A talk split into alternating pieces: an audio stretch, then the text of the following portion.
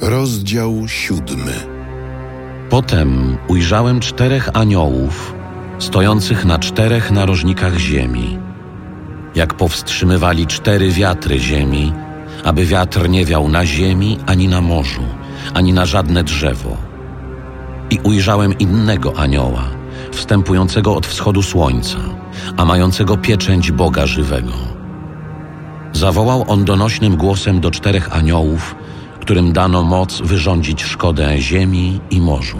Nie wyrządzajcie szkody ziemi, ni morzu, ni drzewom, aż opieczętujemy czoła sług Boga naszego. I usłyszałem liczbę opieczętowanych. 144 tysiące opieczętowanych ze wszystkich pokoleń synów Izraela. Z pokolenia Judy 12 tysięcy opieczętowanych. Z pokolenia Rubena 12 tysięcy. Z pokolenia Gada 12 tysięcy. Z pokolenia Asera 12 tysięcy. Z pokolenia Neftalego 12 tysięcy. Z pokolenia Manassesa 12 tysięcy. Z pokolenia Symeona 12 tysięcy. Z pokolenia Lewiego 12 tysięcy. Z pokolenia Issachara 12 tysięcy. Z pokolenia Zabulona 12 tysięcy. Z pokolenia Józefa 12 tysięcy. Z pokolenia Beniamina 12 tysięcy opieczętowanych.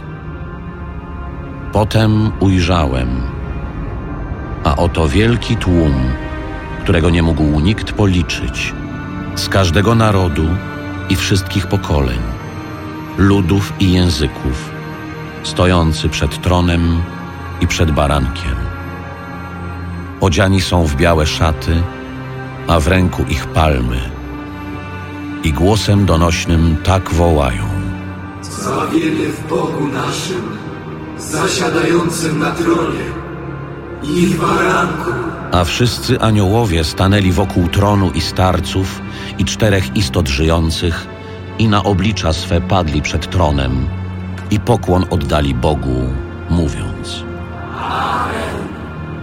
Błogosławieństwo i chwała, i mądrość, i dziękczynienie, i cześć, i moc, i potęga Bogu naszemu na wieki wieków.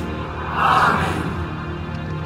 A jeden ze starców odezwał się do mnie tymi słowami. Ci przyodziani w białe szaty.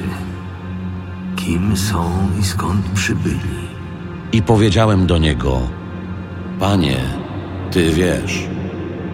I rzekł do mnie, To ci, którzy przychodzą z wielkiego ucisku i opłukali swe szaty i w krwi baranka je wybielili.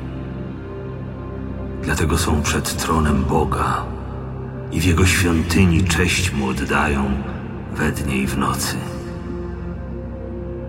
A zasiadający na tronie rozciągnie namiot nad nimi.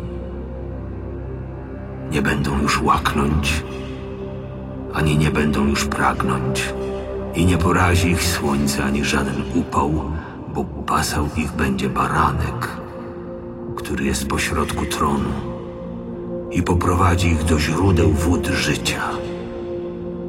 I każdą łzę otrze Bóg z.